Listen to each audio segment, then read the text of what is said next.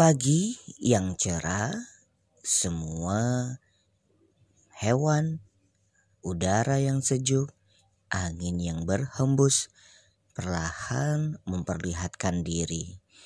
Lalu ada adik kecil yang biasa bangun paginya telat teman-teman. Hmm, siapa ya? Hmm, siapa sih?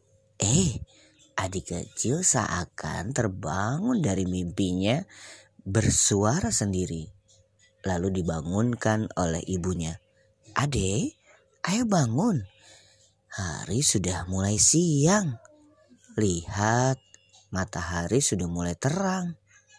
Hmm, aku masih ngantuk. Ayo bangun tidurnya, ucap doa dulu. Aku masih ngantuk. Nanti aja bangun ya. Adek, ayo kita bangun pagi itu sehat.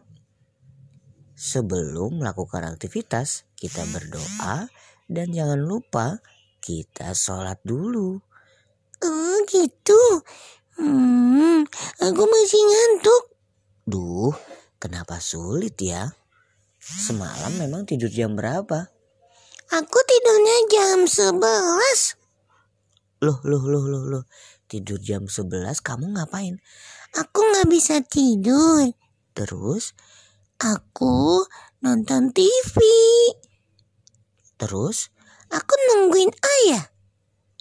Ade nungguin ayah. Iya. Habis itu ayah lama betul pulangnya. Oh, ngapain pakai ditungguin? Ih, aku kan nanti bukain pintu. Biasanya ibu udah tidur. Oh, baik sekali kamu ya. Wah, hebat. Ya sudah, tapi segera bangun. Pagi ini tidak telat bangunnya dan sholat subuh. Iya deh, aku mau bangun. Ternyata adik kecil bangun dan mulai kucek-kucek mata.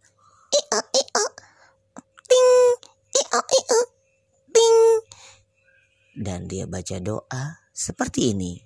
Alhamdulillah illazi ahyana ba'dama amatana wa ilaihin nusur.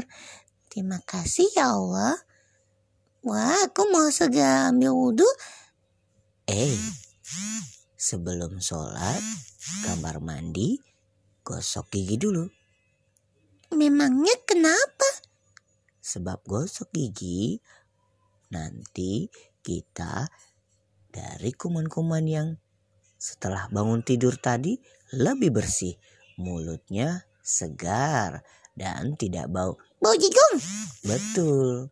Oke, aku akan segera gosok gigi. Anak yang hebat bangun paginya, dia berwudu dan juga tidak lupa gosok gigi karena selalu menjaga kesehatan pada gigi dan gusi dan bau mulutnya tetap segar. Nah, adik-adik semuanya kalau bangun tidur biasanya berdoa atau tidak? Wah, bagus ya. Banyak yang berdoa dan teman-teman bersyukur atas karunia Allah. Nah, ternyata adik kecil tadi sehabis dia sholat, dia berdoa buat kedua orang tuanya dan dia merapikan tempat tidurnya.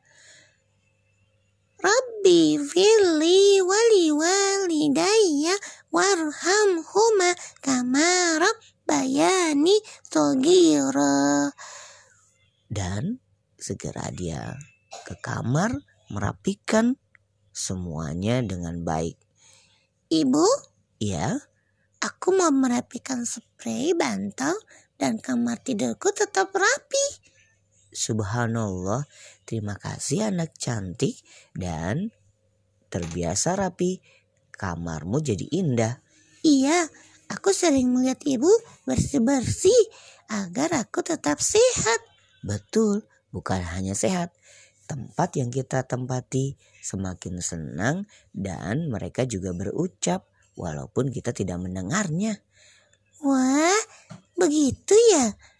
Nah, adik-adik semuanya, cerita pagi ini dan esok dan esok lagi dan setiap hari berbagi cerita semoga menginspirasi semuanya bersama dongeng Kak Adi dan nanti bersama tema-tema yang lainnya akan kita publish buat semua. Terima kasih.